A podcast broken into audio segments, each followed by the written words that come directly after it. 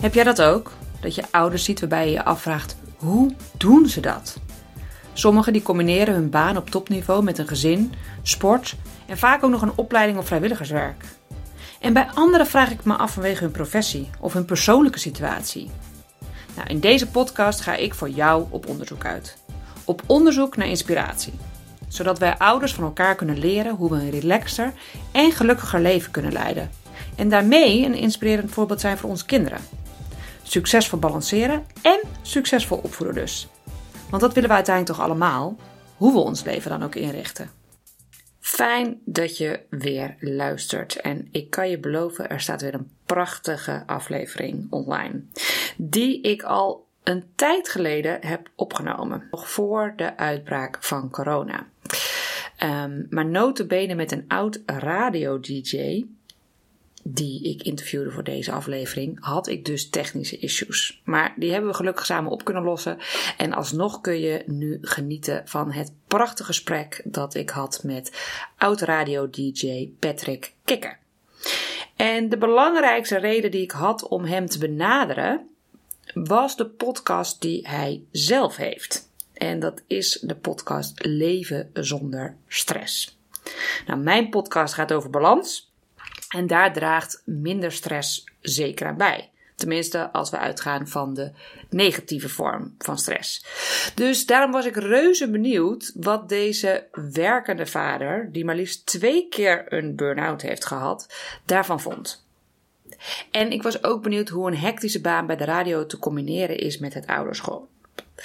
En kleine spoiler alert, volgens hem is het niet te combineren. En onder andere om die reden nam hij een drastische beslissing toen bleek dat zijn toenmalige vriendin zwanger was. Nou, ik zal niet verder spoilen. Ga vooral lekker luisteren naar dit inspirerende en verrassende gesprek. Patrick. Hoi. Leuk om hier te zijn. Ja. Voor iemand die een podcast heeft met de naam Een leven zonder stress, ben ik benieuwd wat balans voor jou betekent. Hmm. Balans. Ik kom natuurlijk ook uit de audiowereld, dus bij mij is balans meteen ja, dat het klopt, hè? dat het links, links en rechts even hard is, zal ik maar zeggen. Dus ja, ik denk als je dat naar je leven uh, tilt, dan uh, ja, moet alles even, even, vind ik, evenveel aandacht krijgen. Dat, dat de aandacht goed verdeeld is, dat is voor mij balans. En uh, jij hebt ook honderden mensen gesproken over een leven zonder stress. En wat jij je podcast zo hebt genoemd, ga ik er even vanuit dat je daarbij uitgaat van de negatieve vorm van stress. Wat is je conclusies na al die interviews? Is het mogelijk om te leven zonder stress? Nee, dat is natuurlijk een utopie. Maar als ik het boek en de podcast eh, Leven met minder stress had genoemd, ja, dat weet je, dat is gewoon, dat bekt niet zo lekker en dat trekt niet zoveel mensen. Nee, het is natuurlijk het ultieme, een leven zonder stress. En ik heb een tijdje gedacht dat het kon, maar ja, het komt er eigenlijk op neer dat je het eigenlijk ook niet moet willen. Uh, totaal geen stress meer. Hè. Het zet je ook in beweging. We hebben ook positieve stress. Dus uh, leven zonder negatieve stress. Dat zou de, de lading nog net iets meer dekken, denk ik. Ja, en hoe zou je daartoe kunnen komen? Een leven zonder negatieve stress? Ja, ik ben er heel erg achter gekomen dat het heel veel met je ik te maken heeft. Dat de ik de grote stressor is in ons leven de persoon. Het, idee, de idee wat je over jezelf hebt. Het idee wat je hoog te houden hebt. Dus in mijn geval was dat Patrick, de bekende radiodiscjockey. Nou, daar kwam nogal wat stress bij kijken om maar bekend te blijven. En om maar uh, iedere dag een radioprogramma te doen, ook al heb je er geen zin in. En iedere dag maar uh, om te gaan met kritiek en positieve uh, feedback en complimentjes. En ja, ik was dat op een gegeven moment gewoon zat. Ik kon, dat, ik kon die ballen niet meer in de lucht houden. Dus die ik, het centrum wat we voor onszelf gecreëerd hebben, dat is voor mij de grote stressor. Maar klinkt dat dan bijna alsof je een rol speelde die je eigenlijk zelf niet bent? Ja, dat is mooi gezegd. Het, woord persoon komt ook van persona uit het Latijn, masker. dus uh, we, zetten een soort masker op. Ja, dat, in principe doe je dat eigenlijk de hele dag door. tenminste, ik was wel, ik, dat heb ik ook thuis geleerd. Heel erg chameleon, aanpassen. Dus ik was een soort ik was iemand die kleurde zich altijd naar zijn omgeving. Dus dan was ik inderdaad persoontje Patrick, de bekende disjockey. Maar dan was ik ook weer persoontje Patrick, de collega. Patrick, de buurman. Patrick, de broer. Snap je wat ik bedoel? Dus ik, ik wisselde nogal vaak van persoon, zullen we maar zeggen. Er was niet echt bij mij één versie. En wat bedoel je met één versie? Was dat dan dat, dat je dan dus ook eigenlijk echt anders was als je bijvoorbeeld Patrick de broer was? Ja, of, uh... ja vind ik wel. En ik vond dat ook lastig, want daarom, jij kwam je naar binnen en zeg ik kende jou helemaal niet. Ik denk, yes, dat is iemand, daar ben ik nog helemaal blanco voor. Als je natuurlijk lang op de radio bent en ook wel eens in de media verschijnt, gaan mensen zich een beeld van jou vormen. En, en ze verwachten eigenlijk ook dat je aan dat beeld voldoet. Dus dan kwam ik op mijn verjaardag en dachten ze, dan komt het entertainment binnen. Patrick, dat is die van de radio, die maakt altijd zulke goede grappen. Nou, kom maar op hoor. En ik zat daar gewoon met, met mijn kopje koffie gewoon in, in mezelf gekeerd. Maar zo ken ik jou helemaal niet. Kom op. Wees eens die persoon die wij kennen van de radio. Ja, dat, dat, dat, ik vond dat heel vermoeiend. Dus ik ben liever gewoon blanco. Ik ben liever gewoon nu voor jou. Ja, wat, hoe ik me nu voel. En dat ik, dat ik niet aan verwachtingen hoef te voldoen bij jou of zo. Ja, dat is gewoon, dat vind ik de fijnste manier van met mensen in interactie gaan. En hoe heb je daar op een andere manier mee om leren gaan? Ja, ten eerste door niet meer te veel te verwachten van jezelf. Van in het begin ging ik daar mee. Ik wilde ook aan die verwachtingen voldoen. Dus daar ging ik maar krampachtig lollig zitten doen op een verjaardag. Of dan ging ik maar, uh, als jij dan met mij zag als de bekende disjockey, ging ik maar vertellen wie ik allemaal geïnterviewd had. En, en, ging ik dat maar bewijzen op de een of andere manier. Ja, daar ben ik op een gegeven moment gewoon mee gestopt. En, en uiteindelijk ben ik ook gestopt met het radiowerk. Omdat ik dacht van nou, dan hoef ik, hoef ik daar, dan gaan minder mensen daar ook van kennen. En dan mogen gewoon, mag ik gewoon mezelf zijn. Mag, mag je wel even onderbreken? Want je zegt, daar ben ik maar gewoon mee gestopt. Ja. Was dat zo makkelijk? Nou, Want ja. voor Nee. veel ouders die Nee. ik spreek, is het er wel, oh ja, weet je, ik wil wel anders, maar hoe dan? Nee, dat klopt. En dat is ook niet waar. Want ik heb me natuurlijk eerst twee keer ziek gemeld. Ik ben natuurlijk ook niet gewoon de een of de andere dag naar mijn baas toe gegaan. Het, het ging gewoon niet. Ik kon het niet meer hoog houden. En dat noemen ze dan een burn-out. Nou, volgens mijn vriend Paul Smit had ik een bore-out de tweede keer. Dat ik er echt niks meer aan vond. Maar ja, ik ben ik er maar gewoon mee gestopt inderdaad. Je hebt gelijk, dat, dat kan ik nu wel zo zeggen. Maar uiteindelijk zat daar wel een proces voor van, wat jij ook kent, eh, toch maar weer vensterbankwerk gaan doen, reïntegreren, een dag in de week, koffie komen drinken. Maar het ging echt niet meer. Ik, ik, was, ik wilde daar gewoon niet meer zijn. Nee. Nee. Hey, dus met de ervaringen die jij hebt opgedaan, hè, je zegt inderdaad twee keer een burn-out. Wat zou jouw advies zijn voor andere mensen om dat te kunnen voorkomen? Eh, ik heb later pas begrepen dat je ook al in een vroeger stadium naar een bedrijfsarts kan toegaan om het aan te kaarten voordat het zover is. Dat wist ik bijvoorbeeld niet. Ik denk bedrijfsarts, daar kom je terecht als je al ziek thuis zit. Ja, ik, ik durf het aan te kaarten bij, je- bij je werkgever. Ik, ik heb daar toch te lang mee gewacht. Ik ben, maar dat kwam ook door mijn salaris. Ik had gewoon een verdomd goed salaris. En dan denk je van ja, ik kan toch niet nu nee zeggen op wat ze van me vragen. Vier uur radio maken, ja, dat is eigenlijk te lang achter elkaar in je eentje. Maar ja, ik weet dat ze iedere maand overmaken. Laat ik maar gewoon ja zeggen. Terwijl was ik toen gewoon het gesprek aangegaan. Gewoon gezegd van jongens, ja leuk en aardig. Maar dat, dat, dat, dat, daar komt niks uit. Vier uur in mijn eentje. Daar heb ik hulp bij nodig. Of korter. Dus ja, mijn advies zou zijn. Grijp in voordat het te laat is. Maar dat is natuurlijk makkelijker gezegd dan gedaan. Dat weet ik zelf ook wel. Ik, ik las laatst in een artikel dat bedrijfsartsen ook aangeven dat als er binnen een bedrijf de cultuur is dat mensen over hun issues kunnen praten, dat het ziekteverzuim met 50% teruggebracht zou 50%. kunnen worden. Ja, puur om er openheid over te zijn Wauw. gegeven. Hè? Dus, nou ja, eigenlijk misschien wat jij zegt. Als jij meer aan had kunnen geven waar jij mee kampt, Ja. dan was die burn-out misschien niet nodig geweest.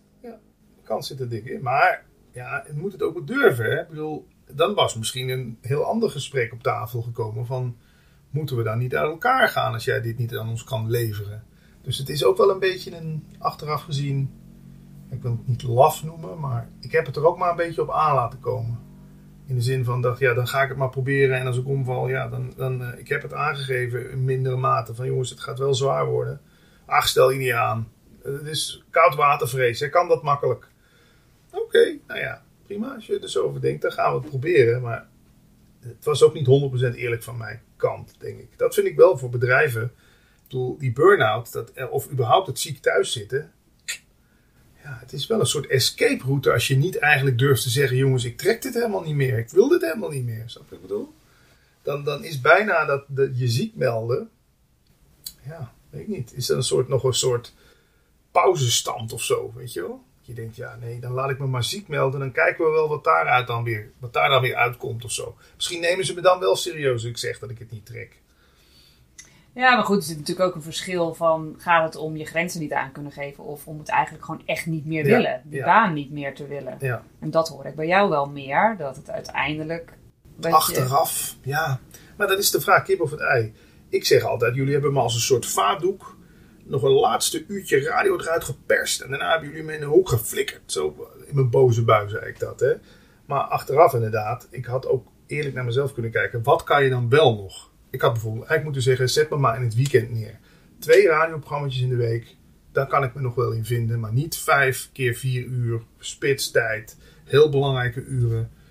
Dus ja, ik, ik had inderdaad gewoon eerlijker moeten zijn, denk ik. En inderdaad, wat jij zegt, grenzen aangeven. Maar ja, dat is soms moeilijk. Maar ja, daar kan je wel jezelf in bekwamen. Ja, ja, het ja. zo zeggen. Maar ik weet nu ook veel beter wat ik niet wil. Dat wist ik toen. Ik wist toen ook helemaal niet wat ik. Kijk, het is het nadeel als je van je hobby je werk maakt. Wanneer weet je dat nog? Want ja, van je hobby zou je eigenlijk normaal gesproken geen genoeg krijgen. Want dat vind je leuk. En dan krijg je er ineens ook nog geld voor. Wauw. Maar ineens vind je het minder leuk. En, ja, hoe- ik heb het nooit als werk gezien, dat radio maken. Dus dat was ook het gekke, dat het op een gegeven moment niet meer vanzelf kwam. Dan, ja, dan raak je ook een soort van in paniek. Je denkt, ja, hoe kan dit nou? Waar ligt dit nou aan? Dan ga je van alles buiten jezelf de schuld geven. Het ligt aan de muziek, het ligt aan mijn collega's, het ligt aan de tijdstip. Het, ligt... het was gewoon op een gegeven moment, het vuurtje was gewoon gedoofd. Ja, net als het dat in een relatie kan gebeuren, kan het ook een werk zijn, toch? Ja. Veel, ehm, of eigenlijk alle luisteraars die ik heb, zijn werkende ouders. Ah. En jij schreef vorig jaar in een column over wat er volgens jou mis is met de huidige 538. Oh, heb je dat 538. opgevolgd? Nou, Ja. gevonden.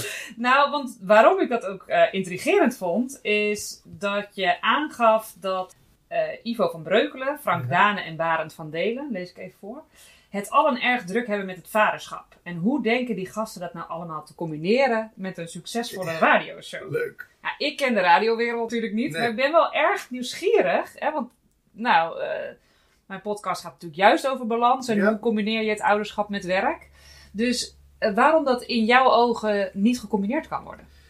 Ja, dat heeft natuurlijk een beetje een persoonlijke oorzaak. Ik maak even een lampje aan. Ehm, ik heb natuurlijk zelf eigenlijk het vaderschap een soort van eh, geparkeerd. Omdat ik zelf op de toppen van mijn carrière zat. En ik niet vond dat ik die twee dingen kon combineren. Toen ik zelf vader werd in 2008. eh, ja, hoe noemen ze dat dan netjes? Eh, niet gepland, wel gewenst. Hè? Noem je dat netjes?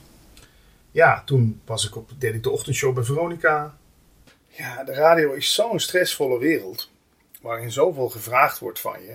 Tenminste, dat is mijn ervaring. Hè. In de tijd van de ochtendshow was het eigenlijk gewoon slapen, eten en met radio bezig zijn. Omdat het zo'n jachtige wereld is. Je moet ook steeds bovenop de actualiteit zitten. Ja, en dan daarbij nog een, een, een klein kind opvoeden. Dat, ja, dat, dat lijkt me een helse opgave. Dat, ik denk dat het echt altijd ten koste van een van, van de twee gaat omdat je, eh, ja, dat is, dat is wat, iets wat zoveel van je vraagt. Je staat altijd aan. Je, je slaapt sowieso natuurlijk al weinig. Omdat je s ochtends vroeg, als je die ochtendshow moet doen, nou, dan moet je om half vijf op. Ja, ik, ik zeg niet dat het niet mogelijk is. Maar ik, ja, ik vind het een hele gewaagde combinatie. En dat is wat ik een beetje met die column eh, wilde aantonen. En ik heb daar overigens heel veel kritiek op gehad. Barend ging me appen. Eh, Frank dan niet, want die eh appt niet zoveel. Maar ook Ivo appte ook. Ja, die waren het natuurlijk totaal niet mee eens. Waar bemoei je je mee? Maar ik, ja, ik ben wel van de knuppel in de hoenderhok gooien. Laten we die discussie maar eens openbreken. Ik weet als je in een boyband zit, daar vergelijk ik dan maar even mee. Dan mag je niet eens zeggen dat je een vriendin hebt. Want je moet voor de, voor de, voor de fans, zullen maar zeggen, moet jij haben zijn. Dus ja, het kwam er bij mij ook meer op neer van... Je wordt een soort familieman. Volgens mij schreef ik dat ook in die column. En als je op de radio allerlei gekke dingen uithaalt, zoals ik dat ook deed. En je zit op zondag, zit je aan de koffie met je baby op schoot. Ja, snap je een beetje wat de combinatie daarvan voor mij niet heel erg matcht? Niet per se. Nee. Maar, maar ik kende jou ook niet in. In de radiovorm. in nee. nee. dus dat zou misschien ook. eh, nee, dus ik kijk meer naar als mensen dus in het bedrijfsleven werkzaam zijn. Is dat dan ook soms? Vragen we soms te veel van onszelf? Hm. Ben ik benieuwd naar jouw mening. Ja, nee, vind ik absoluut wel, ja. Ik vind het, ja, ik, met, ik- je stort je vaak ook ergens maar gewoon in. Je hebt nog nooit een ochtendshow gedaan. Nou, ik kan je wel zeggen, ik heb die ochtendshow vier jaar gedaan. Dat is gewoon een enorme opgave. Je staat altijd aan, er wordt altijd iets van je gevraagd. En je hebt eigenlijk bij, ik had niet eens eigenlijk tijd voor een relatie. Laat staan voor het vaderschap. En dat heb ik dus toen ook. Ik, ik werd toen ook vader. Het was ook absoluut niet te combineren. En een van de redenen, ik was er ook nog helemaal niet klaar voor, voor mijn gevoel. Dat is ook een van de redenen waarom ik de opvoeding aan iemand anders uh, heb overgelaten. Of aan twee andere mensen dan in dit geval. En kan je daar iets over vertellen? Want dat klinkt heel uh, zakelijk, hè? Van, ik, heb, ik heb het aan iemand anders overgelaten. Ja, ja, ja, zo van, nou ja, mijn huishouden, dat doe ik aan de schoonmaakster en mijn kind. Uh, dus uh, zo is het waarschijnlijk niet gegaan. Nee, ik, het was, het was niet, niet gepland, wel gewenst. Je weet hoe dat gaat. Nou, mijn, ik, mijn nieuwe vriendin, tweede keer seks, zwanger. Ze beweerde dat ze niet zwanger kon raken. Ze had, ja, jij weet dat misschien beter dan ik, verkleefde eileiders. Iets. Zegt nee, ik heb nog op de avond. Nee, ik kan, ik kan niet zwanger raken. Toch zwanger. Ja, op een moment dat je denkt, ja, maar weet je, ik, hier is totaal geen ruimte voor. Nou, daar hebben we gelukkig gewoon goede afspraken over kunnen maken. Dat, dat ik meer als een soort ja, vaderrol op de achtergrond. En zij kreeg al vrij snel een nieuwe relatie. En daar heeft ze een mooi gezinnetje mee opgebouwd. En daar heb ik tot op de dag van vandaag nog steeds geen spijt van. Want ik weet zelf ook hoe wispelturig mijn vader was. De ene dag mocht ik alles van hem, de andere dag mocht ik niks van hem. Dus, en ik heb die wispelturigheid ook wel een beetje in mezelf. Dat ik gewoon, ehm, ja, gewoon niet zo consistent ben in. Ja, ik neem aan dat je in opvoeden moet je wel duidelijk zijn. En niet dat vandaag mag je een uur op de PlayStation en morgen de hele dag. Snap je? Bij mij zou dat denk ik zo erin sluipen. Dus ik heb mezelf nooit een geschikte vader gevonden. Ik denk dat dat nog steeds nu zo is. Want nu speelt jouw dochter wel meer een rol. Ja, ja ze weet sinds twee jaar dat ik haar biologische vader ben. En ik zie haar twee keer in de maand, een weekend. En nou, dat gaat hartstikke goed. Ik bedoel, we hebben, we hebben gewoon lol. En we leren, ik leer van haar, zij leert van mij. Maar ik, laat de op, het, ik bemoei me niet met de opvoeding. Want ik, ik heb daar ook geen kaas van gegeten, vind ik zelf. ja, ik weet, ik weet niet, ik ja, opvoeden. En ik, vind, en ik vind het een hele grote verantwoordelijkheid. Daar ben ik heel eerlijk in. Want mijn vriendin werkt, heeft heel lang in de gesloten jeugdzorg gewerkt. Die verhalen die ik daar gehoord heb van kinderen, wat, er allemaal tussen aanstekens mis kan gaan. Niet dat ik daar de ouders per se de schuld van wil geven, die deden waarschijnlijk ook hun best. Maar ik, ik zie wel veel gebeuren dat mensen aan kinderen beginnen, zullen we maar zeggen. Terwijl ze in een situatie zitten, ik denk maar, hoe dan? Schulden, verslavingen, werkeloos, uh, het huis niet op orde. Snap je een beetje wat ik bedoel? Ik, ja. bedoel, je, ja, ik, ik durf zelfs te beweren dat ik vind dat er in Nederland eigenlijk een soort keurmerk zou moeten komen. voordat je überhaupt aan kinderen mag beginnen. Nou ja, dat hoorde ik jou dus ook in een podcast zeggen. En ik, en ik vind het ook intrigerend. Jij zegt van ik heb er geen kaas van gegeten. Maar ja, dat is natuurlijk eigenlijk bij. Meeste nou ja, eigenlijk iedereen die een kind krijgt. Hè? Je, laat ze iemand van. Uh, ja, we doen toch allemaal maar wat en dat is ook oké. En toen dacht ik, nou, inderdaad, we doen wel allemaal maar wat. Maar of het ook oké is, dat betwijfel ik soms. Dus ik hoorde jou inderdaad zeggen van... Um, je zou een verplichte eh, therapie moeten komen voor iedereen. Sowieso voor ouders. je zou eigenlijk pas aan kinderen moeten beginnen als je eerst heel wat oude shit opgeruimd hebt. Ja, dat lijkt mij de ideale situatie. Natuurlijk bestaat die niet. Net zoals een leven zonder stress ook niet bestaat. Maar ja, ik ben wel van... We moeten in Nederland voor alles een certificaat halen. Voor de scooter zwemmen, vissen moet je zelfs een vergunning en iets voor invullen. En aan kinderen mag iedereen dan maar gewoon, weet je wel, begin maar. Ja, nou ja, maak er maar zoveel als je wil. En ja, dat regelt zich dan wel. Nou, en ik zie dan aan de andere kant wat mijn vriendin ook allemaal voor shit heeft meegemaakt. En nu is ze dan ambulant begeleider. Ze komt bij mensen thuis. Nou, zij komt in situaties terecht. Dat je denkt, ja, maar hè, jouw podcast heet, hoe, hoe doen ze dat dan? Waarom, doen, waarom zijn ze er überhaupt aan begonnen? Ik bedoel, en dan weet ik dat je er niet altijd een keuze in hebt. Maar ja, ik zie wel veel kinderen die uit huis geplaatst worden. Kinderen die dan eh, pleegouders, eh, dan in de gesloten jeugdzorg. Ja, ik zie daar toch veel verdriet en, en, en, en onvermogen. En ja, ik, weet, ik heb ook niet de hapklare oplossing hoe we dat dan zouden moeten gaan inrichten. Want dit is ook blijkbaar een terrein waar je ook wat heel voorzichtig. Weet je, hoe ga jij zeggen dat ik niet aan kinderen mag beginnen? dat mensen dat ook nog eens. Ja, het is, het is een taboe onderwerp, toch? Ja, er is natuurlijk al wel vaker gezegd van zou er een verplichte opvoedcursus moeten komen. Ik ben dan wel benieuwd wat die cursus inhoudt. Want waarschijnlijk heb ik daar een ander beeld bij als, als wat die persoon aangeeft. Denk, denk ik, maar dat vul ik in. Maar ik ben het wel met je eens dat het, want jij noemt hier een aantal nou, meer de extremere gevallen. Maar ook als je kijkt naar mensen die een relatief oké jeugd hebben gehad. Ja, ga maar eens bij de gemiddelde psycholoog of eh, coach eh, binnenkijken. Weet je, uiteindelijk wordt het altijd teruggeherleid Naar je naar, jeugd. naar je jeugd. Dus, weet je, ik zeg ook altijd van, je hoeft niet... ehm, het is niet dat je geen schade aanricht, want accepteer maar dat je sowieso schade aanricht. Maar het een beetje beperken. Dat zou, zou mooi zijn. dat zou mooi zijn. En andersom, Caroline. Ik merk nu zelf, mijn vader is 70. Ik heb er ook in het boek Leven zonder stress over geschreven. Hij is psychotisch, hij is depressief. Andersom ook nog eens. En mag ik ook nog eens zeggen wat dat voor een last nu met zich meebrengt? Dat ik met een. Dat ik, dat, ja, dat klinkt misschien heel egoïstisch dat ik met een depressieve vader zit. Ik bedoel, met liefde ga ik er naartoe. Met liefde probeer ik het te helpen. Maar ook andersom nog eens. Dan ben je nu 45.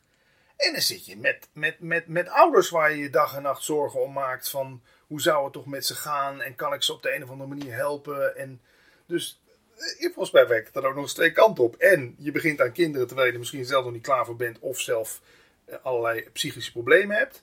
Nou, in de opvoeding is dat dan niet even prettig. En als, als ik dan later volwassen ben, krijg ik ook nog eens de erfenis van dat het alleen nog maar erger is geworden in de loop der jaren. Snap je wat ik bedoel?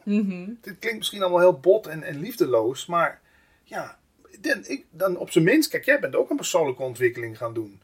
Zorg dat je gewoon iedere dag een iets liefdevoller, vrijer, blijer mens wordt. Terwijl dat het niet nog ieder jaar erger gaat worden met jou als, als mens. En, dan- en dan zitten de kinderen zitten daar dan ook nog mee opgeschreven. Hoeveel kinderen zitten niet ook nog met ouders waar ze zich waar ze mantelzorg en kijk dat iemand ziek wordt, oké, daar kan iemand niks aan doen. Maar een beetje shit opruimen van binnen, ja, ik ben daar wel voorstander van, ja. Waar kunnen kinderen overigens ook heel erg goed bij helpen. hè? Ja, ja, die drukken mooi op. op- Ja. ja, ja Je moet, er, al- je moet er alleen als, als ouder zijnde vervolgens wel naar durven en ja, willen kijken. Juist, ja. Eh, maar eh, dat hebben wij ook in ons boek geschreven, Boek voor Ouders. Over dat de grootste leermeester uiteindelijk bij jezelf in huis woont. Die spiegel, die krijg je de hele Ja. dag door. Krijg je, ja, je kan er Ja. voldoende inkijken. Ja, ja, ja. Alleen inkijken doet soms pijn. En dat willen dan sommige Ja. mensen niet. En maar even nog over mijn vader. Ik bedoel, ik, nu zit ik er misschien een beetje te negatief daglicht te stellen. Maar het is de hele dynamiek, vind ik, van ouders. Ik weet ook niet.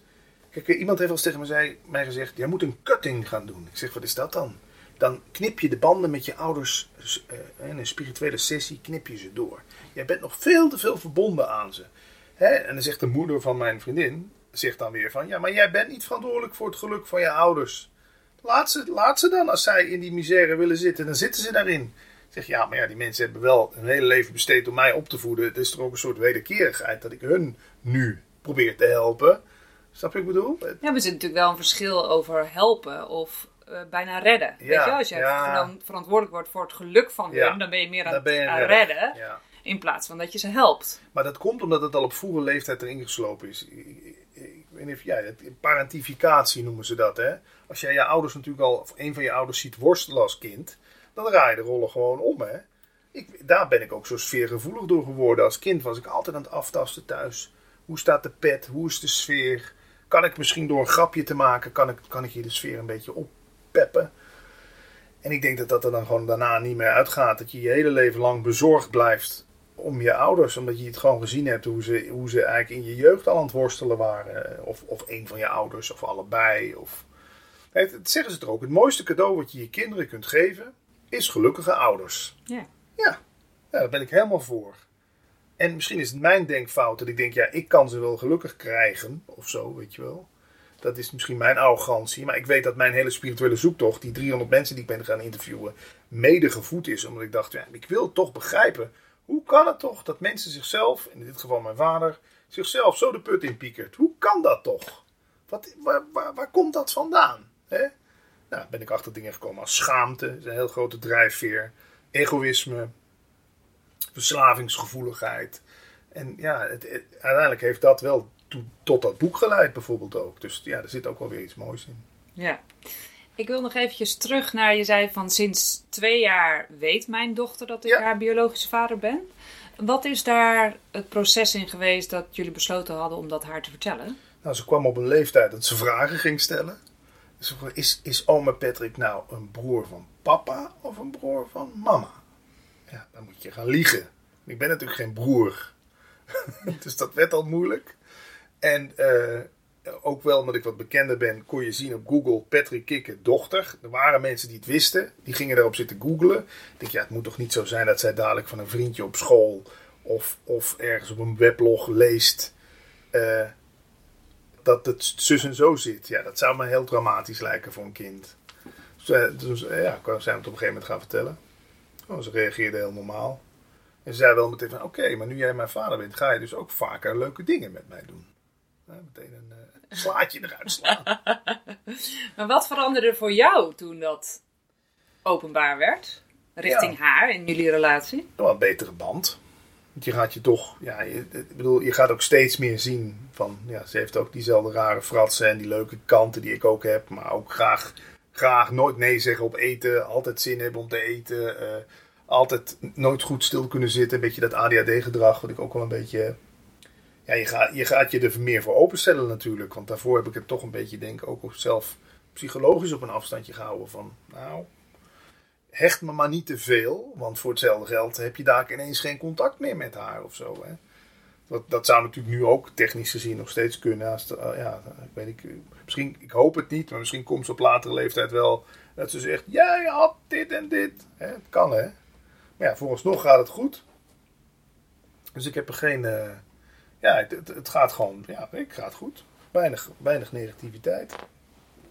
Mooi. Ja. Hey, want jij vertelde, dat was in een andere hoedanigheid, dat je veel schuldgevoelens hebt gehad. Dat hoor ik jou in een podcast mhm. vertellen. Niet zo specifiek, daarom zeg ik andere hoedanigheid over dit onderwerp.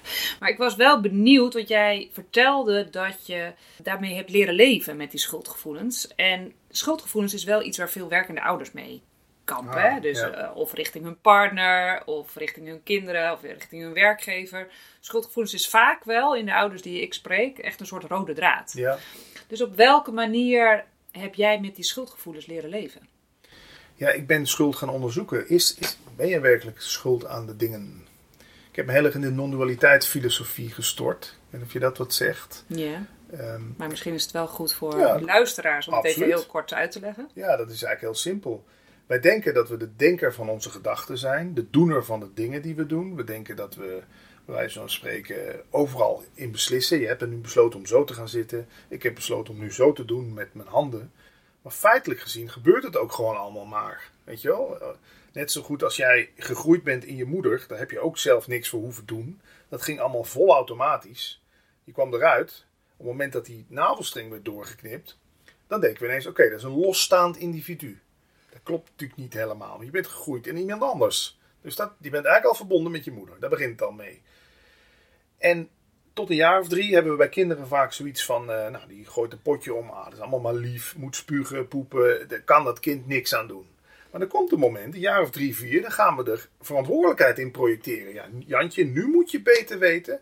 Nu, nu heb jij ineens gekozen voor dat jij dat potje omgooit. Of nu heb je ineens ervoor gekozen om je bordje niet leeg te eten. En dan gaan we jou verantwoordelijk houden voor wat je doet. En mijn, ja, mijn vraag is, onderzoek dat eens of die, of, de, of die persoon die er in iemand geprojecteerd wordt, of dat wel werkelijkheid is. Of zijn we dat maar gewoon, is dat maar een afspraak die we hebben met elkaar. Het is ook handig. Ik bedoel, als jij nu daar iets omstoot hier, dan kan ik zeggen, nou, dat heeft Carolien gedaan. Aansprakelijkheidsverzekering, noem maar wat, hè. Dat is handig. Maar jezelf de hele dag maar beschuldigen en uh, zeggen dat had je beter moeten doen, dit had je anders moeten doen, dit heb je goed gedaan, dit heb je slecht gedaan en dan zeker naar je kinderen toe, ja.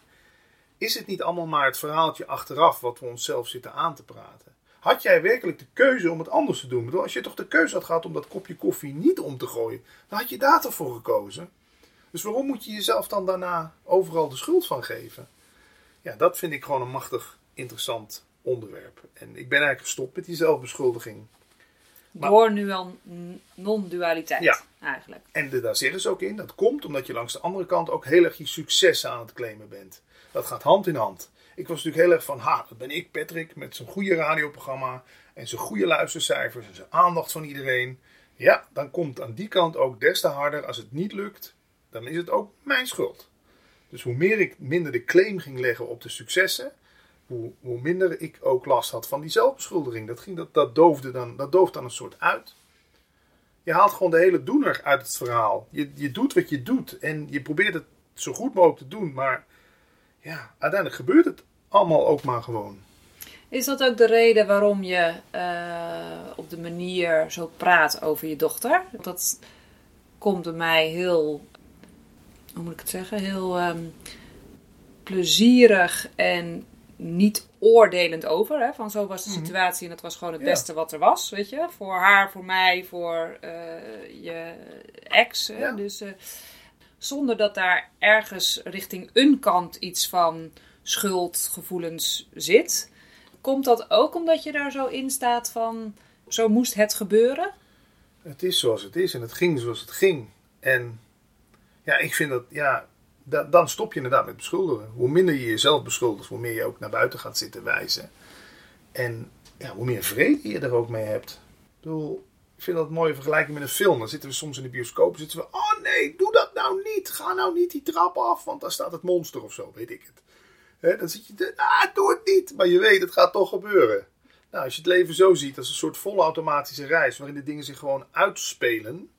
En jij, je, je komt er wel aan te pas, maar of je nou werkelijk 100% verantwoordelijk bent voor alles wat er gebeurt, ja, daar durf ik aan te twijfelen. Het, het, het, had niet anders kunnen gaan. En achteraf gezien, misschien op het moment dat ik dat hoorde, dat, dat mijn toenmalige vriendin zwanger was, ja, toen was ik wel even, dat ik denk, weet je wel. Maar ja, nu, elf jaar later, denk je van ja, is toch eigenlijk wel, wel leuk dat er iets rondloopt met jouw genenpakketje, ik noem maar wat. Dus het, zie je ook maar weer, ja, wat wij van dingen vinden, het oordeel, ja. Het kan natuurlijk van de een op het andere moment ook gewoon veranderen. Heb je dan überhaupt weinig spijt over hoe dingen lopen in je leven? Ja, want het had niet anders gekund. Ik heb dat gewoon niet zo goed geleerd thuis, grenzen aangeven. Ook mede door een moeder die alles maar accepteerde van haar kinderen en van haar man. Ik bedoel, een super lieve vrouw, maar daar leer je dus ook van. Ja, je kan dus gewoon, iemand kan bij jou gewoon zo ver gaan dat hij wil. Dat heb ik gewoon. Dus ja, had ik een andere opvoeding gehad, dan was ik waarschijnlijk ook anders daarin geweest. Maar ja, ik heb ook van mijn vader en moeder de humor geërfd. En, en het goed kunnen praten. En het gevoel voor muziek en ritme. Dus ja, ik, ik zie het dan altijd maar gewoon in een heel genenpakketje. En een pakketje kwaliteiten wat je krijgt. Je bent voor die en die dingen aangevinkt. En voor dit en dit niet. En voor die dingen ben je misschien wat slechter aangevinkt. Ja, waar, waar moet ik dan spijt van hebben? Of wie moet ik daar dan de schuld van geven? Dan zou ik helemaal moeten terugredeneren naar voorouders. Maar zelfs die hadden geen keuze in van hoe ze waren, toch? Ja, ik weet dat in persoonlijke ontwikkeling heel erg gehamerd wordt op van dat het leven maakbaar is en dat je jezelf kunt veranderen. En dat, misschien kan dat ook wel door met een andere bril naar de dingen te kijken. Maar ja, ik accepteer mezelf gewoon volledig zoals ik ben, met alle rare fratsen en goede kanten. Ja, wat, wat, moet, je dan, wat moet je dan nog? En wat bedoel je met wat moet ik dan nog? Ja, wat, wat moet je dan nog jezelf uh, beschuldigen of inderdaad spijt hebben van dingen? Ik, ik, ja, ik, ik heb, vind spijt, vind ik zonde. Ik vind hoop, vind ik ook. Ik denk, ja, hopen op dingen. Wat, wat bereik je ermee? Nou ja, ik denk over heel veel dingen hetzelfde als jij. Want spijt, inderdaad, ik heb eigenlijk nooit ergens spijt van. Omdat als er dan iets gebeurt, dan denk ik, ja, kennelijk heeft het nu zo moeten zijn. Tegelijkertijd is het wel interessant om te kijken dat als we natuurlijk 95% van alles wat we doen onbewust gedrag is van hoe kan je dan wat bewuster worden van dat gedrag, zodat bepaalde dingen, dat je wel andere keuzes kan maken in het hier en nu. En dat is dan denk ik als we het hebben over balans. Uh, hoe kan je zorgen dat je niet alleen maar in die red race blijft zitten en uiteindelijk maar doorgaat en met een burn-out belandt. Of dat je op je tachtigste, uh, um, hoe heet nou die uh, stervensbegeleidster? ja, daar had je het over, van dat boek hè? Regret.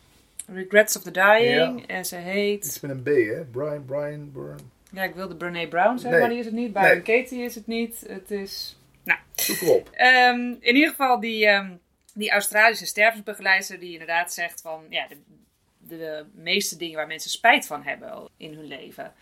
En dat vind ik dan intrigerend. Dat als dan daar zo'n enorme tendens in zit... van hoe kunnen we dan ons bewustzijn wat vergroten... om te zorgen dat we die spijt niet gaan ja. ervaren mijn, ervaring is, luister niet naar je ego, maar luister naar, dat, naar die zachtere stem van binnen. Het ego roept natuurlijk de hele dag van laat van je horen, presteren, laat je niet de kaas van je boterham afhalen. Ik doe nu even zo mijn hand voor mijn hoofd, alsof het een soort roeptoeter is, maar dat is het vaak. En, en, en, je, en je soort jaloers zijn en eigenlijk alles waarvan we weten dat het gewoon niet fijn voelt. Afgunst, ehm, iets willen krijgen van iemand. Maar er is ook van binnen een soort liefdevolle stem die gewoon, ja, die wel, is mijn ervaring, die wel de weg wijst. Alleen als je met je aandacht alleen maar bij, bij dat ego zit, bij die roeptoeter, ja, dan is die stem helemaal uitgedoofd. Ik, ik, ik zat hier een film te kijken op deze zolder van Wayne Dyer. From Ambition to Meaning. En ik zat er met tranen aan te kijken. Toen wist ik eigenlijk genoeg. Ja, dat is mijn probleem. Ik, ik, ik ben alleen maar met ambitie bezig, maar ik wil naar betekenisvol werk. Ik wil dat het betekenis heeft wat ik doe. Ik heb het idee wat ik hier bij de radio zit te doen, daar doe ik niemand meer een plezier mee. Ik doe me er zelf geen plezier meer mee. Uh, dat kan iemand anders veel beter doen. Ik, ik moet ruimte gaan maken voor betekenisvol werk. Nou, toen, toen dat wegviel, kwam dit als het ware vanzelf naar de oppervlakte. Met mensen gesprekken voeren, spiritualiteit onderzoeken, daar podcasts van maken, boeken maken. Ja, dus eh, van die film zou ik iedereen kunnen aanraden. The Shift, From Ambition to Meaning van Wayne Dyer. Als je een beetje in zo'n werksfeer zit, dat je denkt, ja, is het niet meer helemaal, maar ja, ik kan het toch niet opgeven. Maar langs de andere kant weet ik ook dat ik makkelijk praten heb. Hè. Ik heb met die radio goed kunnen verdienen. Ik heb hier niet een gezin met drie kinderen rondrennen waar, waarvoor gezorgd moet worden. Maar ook daarin vind ik wel, ja, dat is dan blijkbaar mijn pad. Ik zeg niet dat het andere pad beter of slechter is. Dat, ja. En heb je dan, eh, als we dat concreet uh, maken, maken want inderdaad het meer luisteren naar, naar je, je zachtere stem in jezelf. Ik denk dat dat een hele goede tip is voor ouders die, uh, die wat meer balans zoeken. Hoe begin je daarmee? Want je zegt al zelf, van, ja, als je alleen maar met die ego bezig bent, dan, is die, dan praat hij bijna niet meer. Zo zorg je dat hij weer een beetje gaat praten en dat je er ook daadwerkelijk weer naar luistert. Ruimte maken, op, allereerst in je agenda. We plannen natuurlijk alles vol, zelfs de vakanties. Ik hoorde daar jou een podcast over maken. Uh, vakanties uh, ja, plannen we in. Ja, je had het meer over Fokke Goeie trouwens. Afspraken maken met je kinderen van wat gaan we wel en niet doen en wie wil wat. Eén ijsje per week, twee ijsjes per week.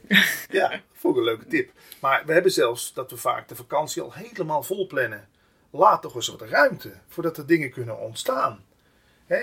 Vroeger zaten we gewoon wel eens uit het raam te kijken. Ik weet niet of jij dat nog wel eens doet. Gewoon eens uit het raam kijken. Gewoon eens in de stoel. Lummelen. Lummelen. Ja. Verwijlen is een mooi oud Nederlands woord. Gewoon eens lekker.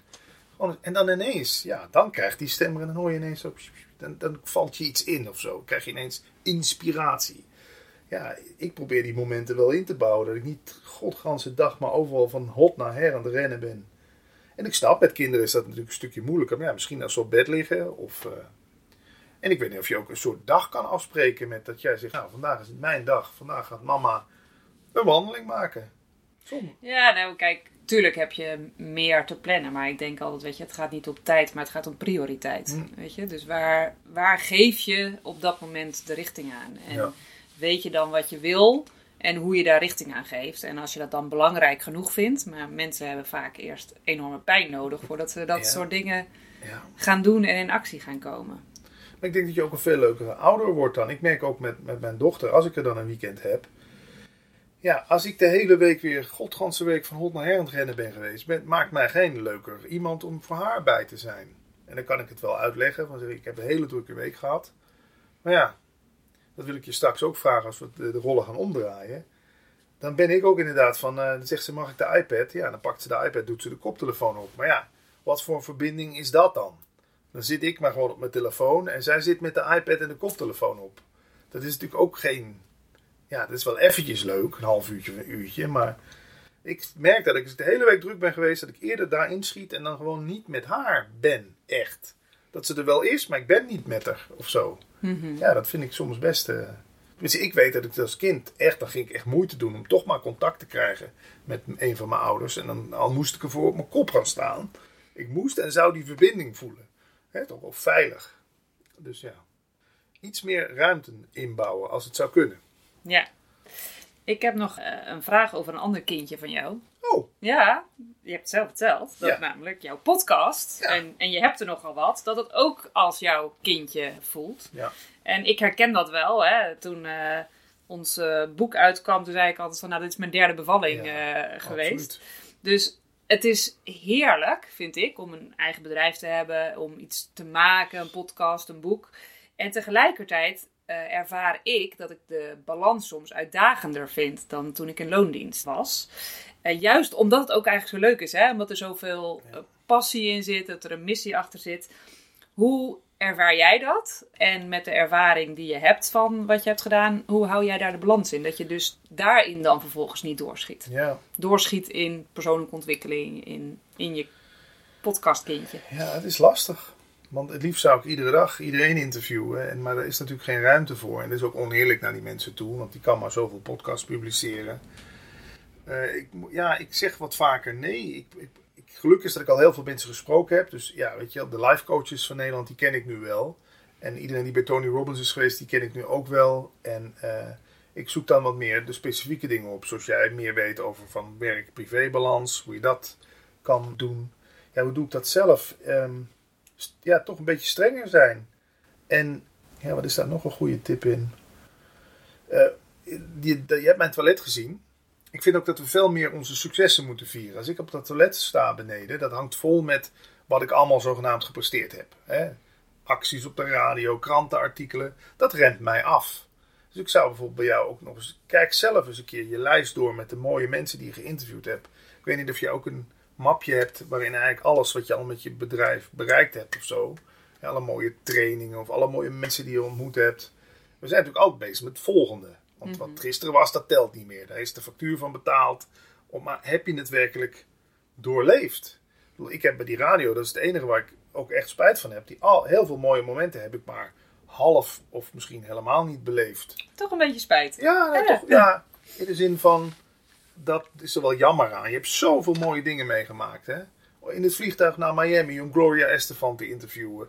Dan sta je weer op de Dam in Amsterdam voor 25.000 man met oud en nieuw te draaien. Waar, ja, waar is dat nu? En wat, wat, wat, wat voel ik daar nog bij als ik daar aan terugdenk? Ja, weinig. Ik vind dat wel eens jammer. Daarom denk ik dat ik ook zo gefocust ben op maar van alles een soort foto bewaren. En eh, dat ik er nog eens met terugwerkende kracht van kan genieten of zo. Ja. Ik weet niet of jij dat ook kan of doet of tijd voor hebt überhaupt. Nou, ik ben wel dagelijks eigenlijk een dankbaarheidsoefening. Ah. Dus eh, of successen van de dag, eh, of, of dankbaarheid.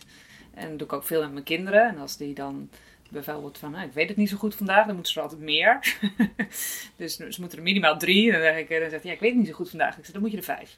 Oh? Dus om ze te triggeren van, nou, en, en eh, zelf in successen te denken. Waarbij successen dan wat mij betreft ook anders zijn dan alleen maar iets bereiken. Hè? Dus Ja. ook van, nou, ben je een keer buiten je comfortzone gegaan.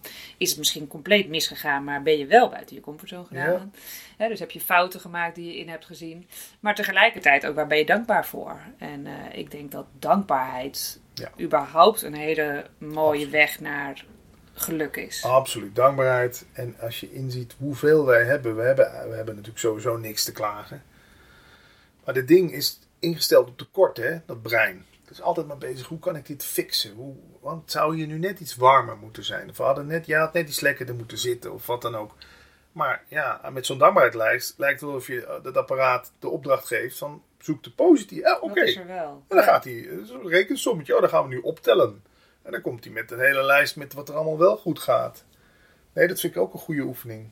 Ik doe dat eigenlijk ook te weinig. Ik ben bijvoorbeeld heel dankbaar dat jij ook een eh camera had meelopen. Ja, dat we dit ook konden opnemen, ja.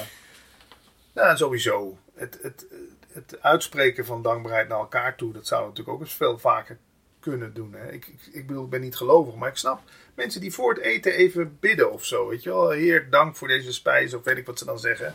Ik denk, ja, dat is er allemaal niet voor niks. Het brengt je wel in, een- in een staat van, wauw, dat, ik dit, dat ik dit nu mag eten. En dat Ja. ik dit nu... Oh, dat heb jij klaargemaakt. Mijn dochter doet heel vaak applaus voor de kok. ja, applaus voor de kok. Maar ook als zij niet de kok was Ja, zelf ja. hoor. Dus ook als, als ik of, of mijn man de kok was. Ja, dan geven we even een soort van nou, eigenlijk dankbaarheid aan dat. er, Oh, eh, er is volledig haar eigen ingeving Ja? geweest hoor. Dus het is niet. Ja, de dankbaarheid zit, krijgt ze natuurlijk van ons wel Ja. mee. Maar het feit dat ze dan een applaus geeft aan de kok is, haar, is haar eigen ding. Dus, eh, Leuk. Hey, ik heb eh, een aantal vriendenboekjes vragen Ah. aan je. Het leukste dat ik samen met mijn kind heb gedaan is. Ja, toch naar de kermis. Dat vinden we wel het allerleukste. En dan allemaal van die gekke attracties waarbij de 10 meter de lucht ingeschoten wordt. Of helemaal hoog in, de, in zo'n grote draaimolen. Ja. Kermis, ja. Mijn dochter heeft me geleerd dat. Eh, wat heeft ze me geleerd? Nou, zoveel dingen. Eh, nou, dat spelletjes doen leuk is weer. Dat was ik ook vergeten. Ik doe best wel vaak spelletjes, een bordspelletje of zo. Ik was natuurlijk ook heel erg gefocust, op wat levert me dit op. Maar ja, spelletje, ja, wat levert een spelletje op? Plezier. Het, het heeft me weer meer geleerd plezier te maken, ja. Mijn grootste opvoedblunder. Eh, ja, misschien toch iets, iets te veel verwennen. In de zin van cadeautjes geven en zo. Wat dan op een gegeven moment gewoon totaal geen effect meer heeft. Omdat je natuurlijk van alle kanten maar cadeautjes krijgt. Ja. Dus dat, dat eigenlijk aandacht veel belangrijker is dan, dan spullen. Ja, dat het, je kan beter gewoon eh, oprechte aandacht geven. Dan zeggen van hier heb je, hier heb je een iTunes kaart of zo. Ja. De beste manier om het weekend te beginnen is. Eh, de beste manier om het weekend te beginnen is met een goede documentaire. Oh, en dan ben ik natuurlijk nieuwsgierig wat je een goede documentaire vindt. Ehm, het meeste wat ik kijk is van Tweedok, ken je dat? Zo'n serie van de NPO. Maar op Netflix staan ook heel veel goede documentaires. Ja, ik hou vooral van documentaires waar ik dan bijvoorbeeld het hele weekend zoet mee ben. Je hebt eh, de O.J. Simpson story. Die duurt dan zes delen van anderhalf uur. Ja, dat vind ik fantastisch. Dan zak ik helemaal in die man. En je hebt over Osho op Netflix, Wild Wild Country. Zo'n, eh, over zo'n guru in India. Ook super interessant. Ja, dus Wat voor guru in India dan? ja, eh, op de Bhagwan, zeg je dat nog wat van vroeger? Ja. Die heette later Osho. Nou, er staat een documentaire van zes delen op Netflix. Over die hele commune die eromheen was. En wat er allemaal mis is gegaan. En ja, ik, daar hou ik wel van. Beetje andere tijden. Hoe deden die mensen dat? Die waren ook op zoek naar hetzelfde als ons natuurlijk. Geluk, liefde, rust. Ja, die dachten dat te vinden door in een rood gewaad. Ergens met z'n allen op een camping te gaan zitten. ja. Ja, ik vind dat wel fascinerend. Ik zou best graag een dagje willen ruilen met. Met jou? Met mij? Ja. Oh, Nou, ik, het- ik ben zelfs benieuwd te zijn. Hoe is het om een vrouw te zijn? Dat is toch anders, denk ik. ja, dat is zeker Ja. anders. Dat denk ik wel, ja. En, en, en ook, maar ook om, om, omdat we vaker horen dat mannen zich toch zo. Hè, white privilege wordt er dan gezegd. Hè, de man, de wit, de blanke man, überhaupt in Europa of in Nederland, die, die, die heeft zoveel voordelen. Dan zou ik eens willen meemaken van hoe is dat dan als vrouw bijvoorbeeld. En misschien zou ik dan daarna wel ook eens een ge- gekleurde man willen zijn. Of daarna een gekleurde vrouw. Want wat zijn dan, hoe wordt er met je omgaan? Ik merk het bij mezelf al. Als ik me een paar dagen niet geschoren heb. En ik heb mijn haar, zit, weet je, allemaal te lang en een beetje onverzorgd. En dan merk ik al dat mensen anders tegen me doen bij de kassa, ik noem maar wat. Dus hoe zou dat dan zijn als je überhaupt helemaal er anders uitziet en een ander gender hebt dus? Heb je wel eens, ja, dat gaat niet over volwassenen dan, maar over een kind. Is er zo'n reclame of documentaire geweest? Dat er dan, dat ze een kindje, eerst helemaal, eh, gewoon een straatkindje. Nou, het was een act- acteur. Eh, maar eh, eerst helemaal netjes gekleed een restaurant in lieten gaan, zonder ouders. En hoe mensen daar dan op reageerden. En vervolgens hebben ze er dus eh, nou, wat roetvegen Ja. en een pruik opgezet, een muts op en afgerachte kleding. En hoe er dan op haar Ja. gereageerd werd. Ken je dat stuk? Dat ken ik niet, maar Het is heel Ja. confronterend. En er stond op een gegeven moment stapt ook dat het. Want het was volgens mij een meisje van zes. Dat het op een gegeven moment gestopt is omdat het meisje het zelf te heftig vond. Mm. Over hoe er op haar gereageerd werd. Ja, het is heel confronterend over hoe veroordelend we dan Ja. op uiterlijk zijn. ja. Zelfs al bij kinderen. Moet Ja. je nagaan. En ik hoor het ook van mijn vriendin, die is dan, eh, die schommelt een beetje met haar gewicht. En die zegt ook gewoon, nu is ze dan weer wat dikker. Zegt ze, ja, toen ik 10 kilo slanker was, deden mensen gewoon leuker tegen me. Ik merk het aan alles. En dan denk je, ja, wat, is dat toch erg eigenlijk? Dat we ook zo, op, qua uiterlijk, ja, zeker tussen man en vrouw, als jij een knappe vrouw bent. Ik heb wel eens het begrip gehoord erotisch kapitaal. Dat heeft iemand hier wel op de- deze bank. Een knappe eens gezegd, ja, ik zet mijn erotisch kapitaal gewoon in. Ik zeg, hoe bedoel je dat dan? Zegt ze, ja, daar krijg ik dingen mee voor elkaar in de zakenwereld. Ik weet gewoon, als ik dat truitje aandoe en die hakken, krijg ik gewoon meer voor elkaar. Weet je, dan dacht ik, ja. En andersom werkt dat dus ook zo. Als je dus blijkbaar om wat voor reden dan ook wat dikker bent geworden, of je hebt niet de goede kleding aan, krijg je gewoon minder voor elkaar. Doen mensen minder aardig tegen, ja. Ik, ja, dan- ik geef daar niemand de schuld van, maar dat is wel een interessante dynamiek, hè. Ja. Bedoel, Het zal in de trainingswereld denk ik ook ja, het geval zijn dat je gewoon als jonge vrouw meer voor elkaar krijgt misschien dan als oudere vrouw of als... Ja, en soms niet, hè. Want uh, laatst hoorde ik ook iemand die wat dus juist een, een hele jonge coach... Uh, of een jongen, tien jaar jonger dan zij, waar we ze dus achter, hè, zo van, ja jeetje, kan die dan... Wat kan jij nou weten? Ja, ja, ja dat is ook, kan, is ook zoiets. Kan zij mij nou helpen, ja, bij wijze van is ook spreken? zoiets, ja. Ja, we zijn elkaar natuurlijk constant aan het, een soort, in, toch weer een beeld aan het vormen van, oh, hmm. Zij komt uit Breda, oké, okay, ik kom daarvan. Ik zei vroeger, ik kom oorspronkelijk uit Limburg. Ik zei dat bij de radio maar niet, daar werd gewoon op neergekeken reserve Belg. En het is natuurlijk allemaal wel grappig bedoeld, maar ik zei maar dat ik uit Brabant kwam. Dat was dan minder erg blijkbaar. ja. Stom hè? Nou ja, ook dat je dus je achtergrond gaat. Ja, daar heb ik me in het begin echt voor geschaamd. En op een gegeven moment ging ik gewoon Limburgs dialect spreken op de radio. Dus toen was ik er echt wel overheen. Maar dat is voor mij echt wel een groeiproces mm. geweest. Ja. ja. Mijn favoriete tegeltjeswijsheid is? Uh, een dag niet gelachen is een dag niet gelachen. Punt. Daar ben ik... ik moet er in ieder geval van lachen. Ja, dat is al goed. Dat vind ik zo'n... Weet je, dat, dat, dat is eigenlijk non-dualiteit in een tegelspreuk. Wij, wij, wij, wij zijn degene die aan alles betekenis geven. Hè? Ik bedoel, als hier nu, ik noem maar wat, dit, ineens stort dit gebouw in. Hè? Ja, dan zijn wij als de kippen erbij. Dat had niet mogen gebeuren. Of maar weten wij veel? Misschien had dit gebouw al moeten instorten voor, zodat, zodat ik eindelijk eens een keer wegga hier en ergens anders ga wonen waar ik veel gelukkiger word. Dat, dat, vind, dat vind ik zo. Wij geven maar steeds betekenis aan dingen. Jij vindt die thee lekker, ik vind hem vies. Wat zegt het over de thee? Niks. Niks. Dus, maar daar zitten we de hele dag, zijn we maar bezig met, met oordelen, beoordelen, veroordelen. Maar het zegt eigenlijk allemaal niks. Dus een dag niet gelachen is een dag niet gelachen. Punt. De, ja. Dat vind ik wel een mooie. Ja. ja. Hey, is er een vraag die ik niet heb gesteld, maar wel had moeten stellen? Of iets anders wat je uh, werkende ouders nog wil meegeven? Wat wil ik werkende ouders nog meegeven? Dit is misschien nog interessant om toe te voegen, zit ik te denken. Ik kijk heel veel documentaires, dat zei ik net. En in, in Afrika bijvoorbeeld zijn het gewoon de kinderen van de stam. Ja. Hè, dat is wel bekend wie de biologische takes, ouders village to raise a child. Ja. Ik vind dat ook een mooie insteek. Want uiteindelijk leren kinderen natuurlijk van alles en iedereen iets. Ja. Hè, bijvoorbeeld van haar uh, stiefvader. Die is heel netjes. Als ze in de auto zit, ze heeft een blikje gedronken.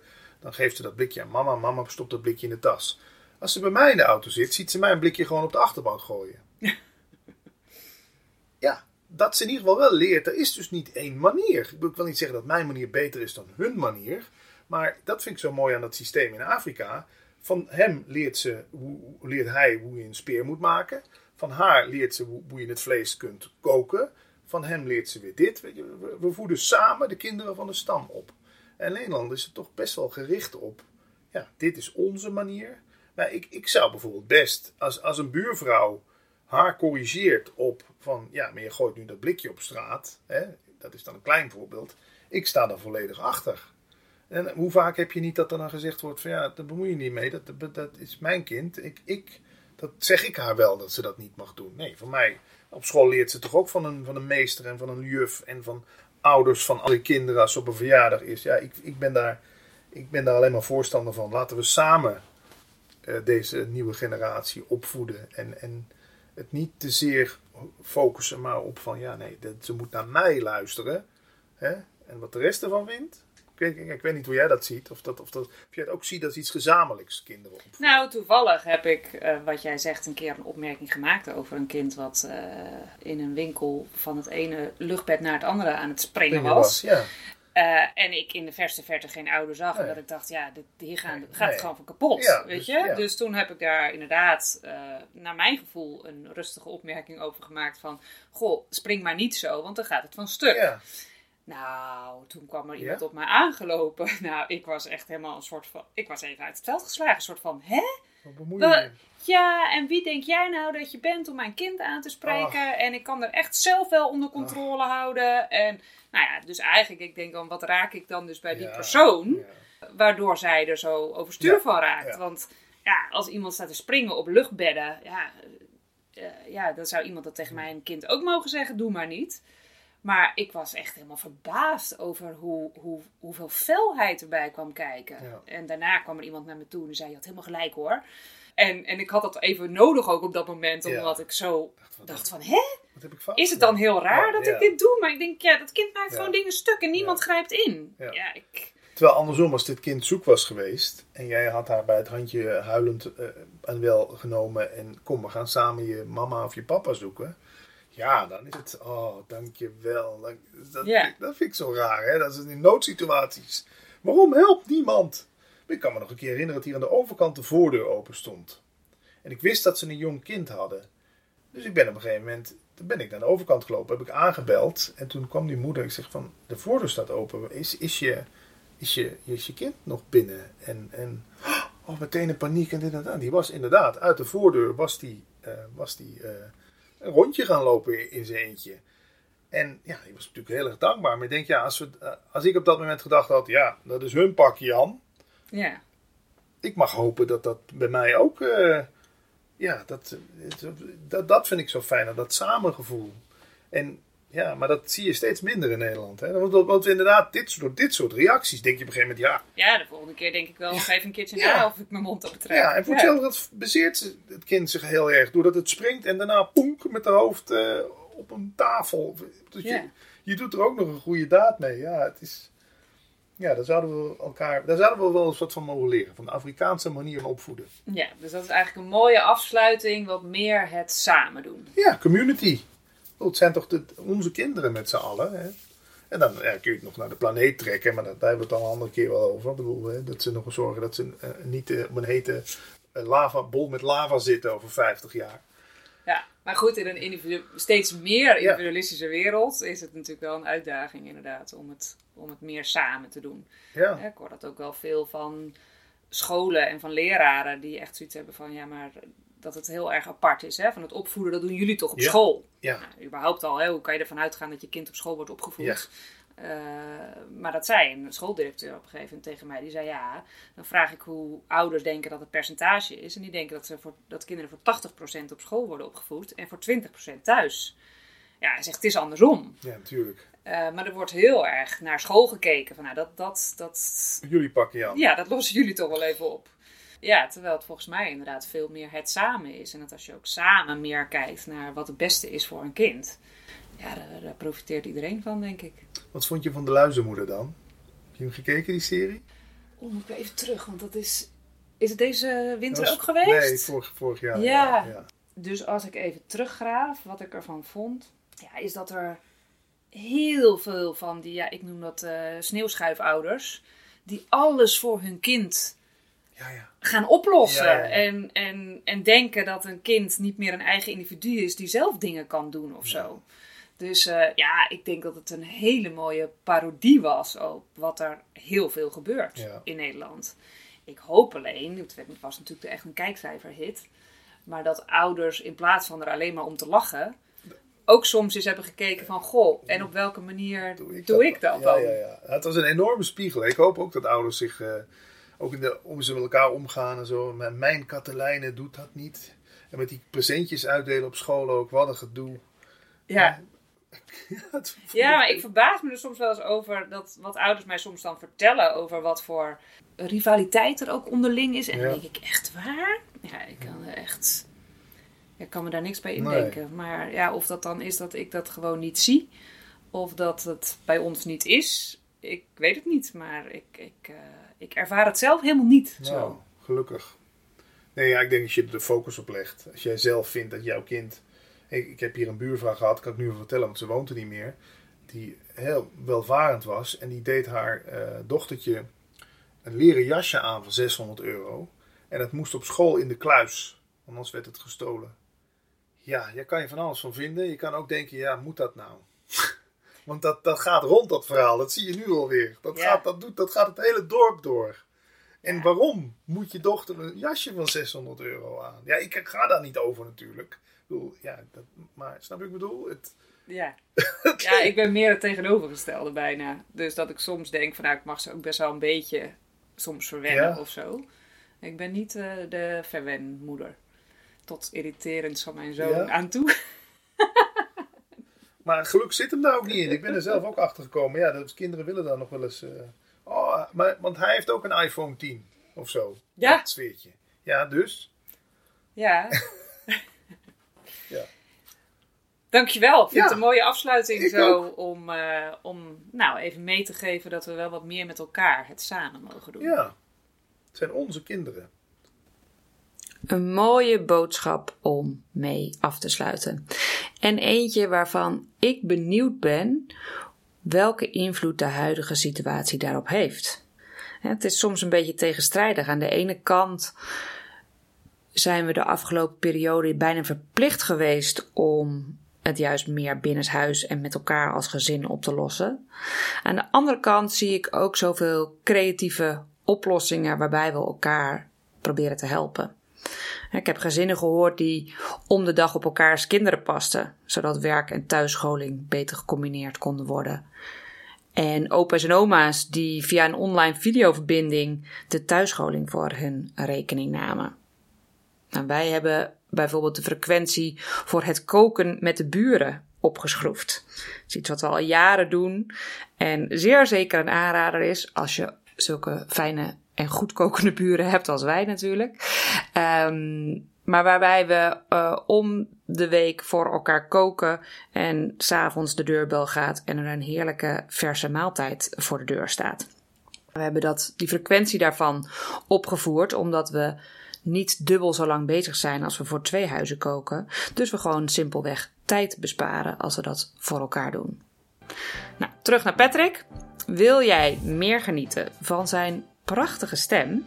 Dan staat er nog uren luisterplezier voor je online. Want ik vertelde je in de intro al dat Patrick een podcast heeft ehm, genaamd Leven zonder stress.